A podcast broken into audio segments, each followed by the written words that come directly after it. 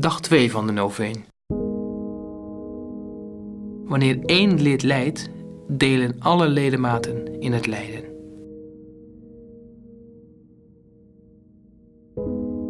De pijn van de misbruikslachtoffers heeft een grote rijkwijde. Ze verspreidt onmacht, woede, schaamte en walging, met name bij hen die om de kerk geven. Zij voelen zich verraden door de priesters en bisschoppen, die mensen beschadigen in plaats van er voor hen te zijn. Ontelbare gelovigen zijn betrokken bij de katholieke kerk. Zij investeren tijd, energie en bezieling in een gemeenschap die hen een spiritueel thuis biedt. Niemand van hen is volmaakt.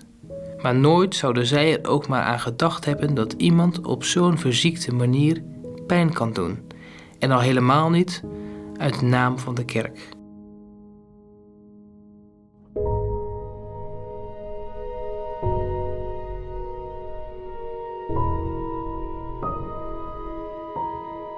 God, het maakt me ongelooflijk kwaad als ik me voorstel wat er omgaat in de hoofden van sommigen. Zij die geacht worden uw boodschap van liefde te verkondigen, zij die geacht worden herders voor anderen te zijn. Zij hebben blijkbaar het idee dat ze het recht hebben om alles te doen waar ze zin in hebben. Er zijn momenten dat ik me afvraag of en hoe ik kan blijven horen bij deze kerk. Zo diep is de afschuw voor het lijden dat is veroorzaakt door een aantal van haar vertegenwoordigers.